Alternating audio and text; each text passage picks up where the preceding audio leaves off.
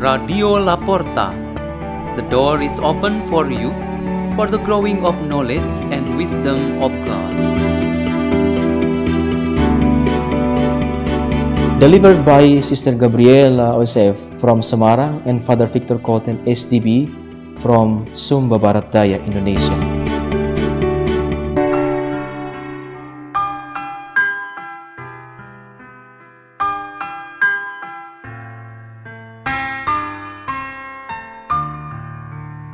Reading and meditation on the Word of God on Friday of the first week of Advent, December 3, 2021, on the feast of Saint Francis Xavier, priest and patron of this mission.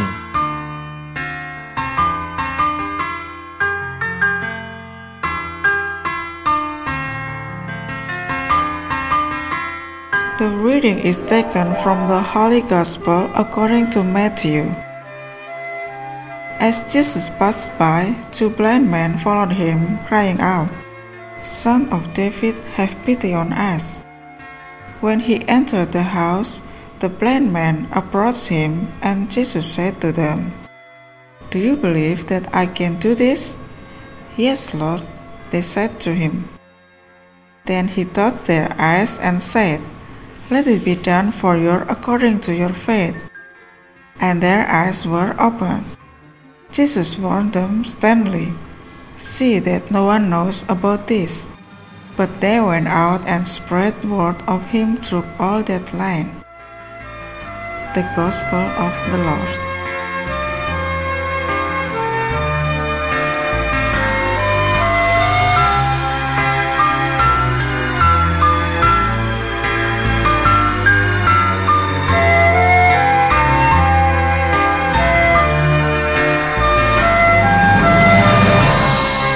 The theme for our meditation today is Woe if the gospel is not preached. The Catholic Church in Indonesia has a special regard for Saint Francis Xavier. This Spanish missionary had successfully planted the seed of Christian faith in Indonesian archipelago.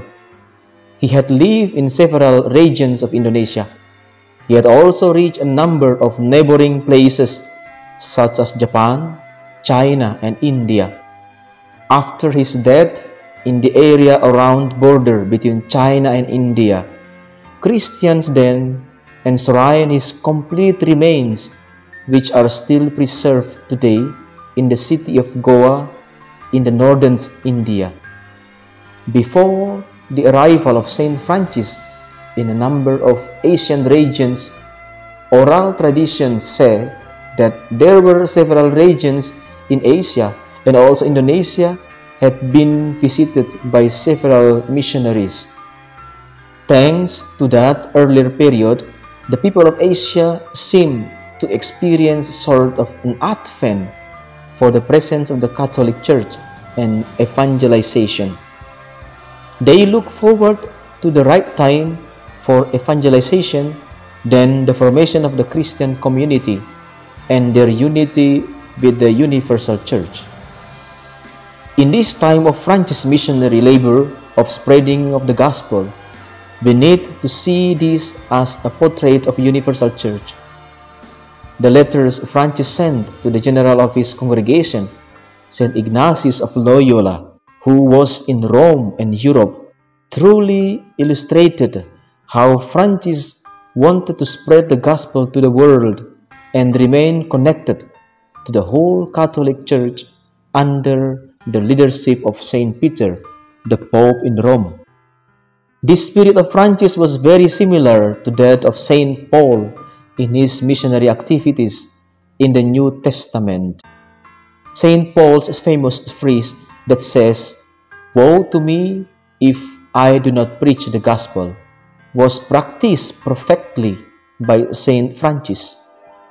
The Asians, especially the Catholic Church, loved Francis very much. Even for the Indonesian Catholic Church, the day of his death, December 3, is a feast in the liturgical celebration. This means that Saint Francis' place is at the heart of the living faith of the Indonesian Catholic Church. The Asian love him so much that his holy place in the Indian city of Goa has been the world class site of spiritual pilgrimage, and his remains are kept there, not taken to be preserved in Europe or especially in the Basilica of St. Ignatius of Loyola in Rome. Francis Xavier is a great saint who was full with the spirit of Advent. He inspired the whole church and each of us to stretch out our arms and step our feet to the reach out still many other people who are do not yet know God, so that all our lives are always on guard because God will visit and call us when we are not aware of it. Let us pray. In the name of the Father, and of the Son, and of the Holy Spirit. Amen.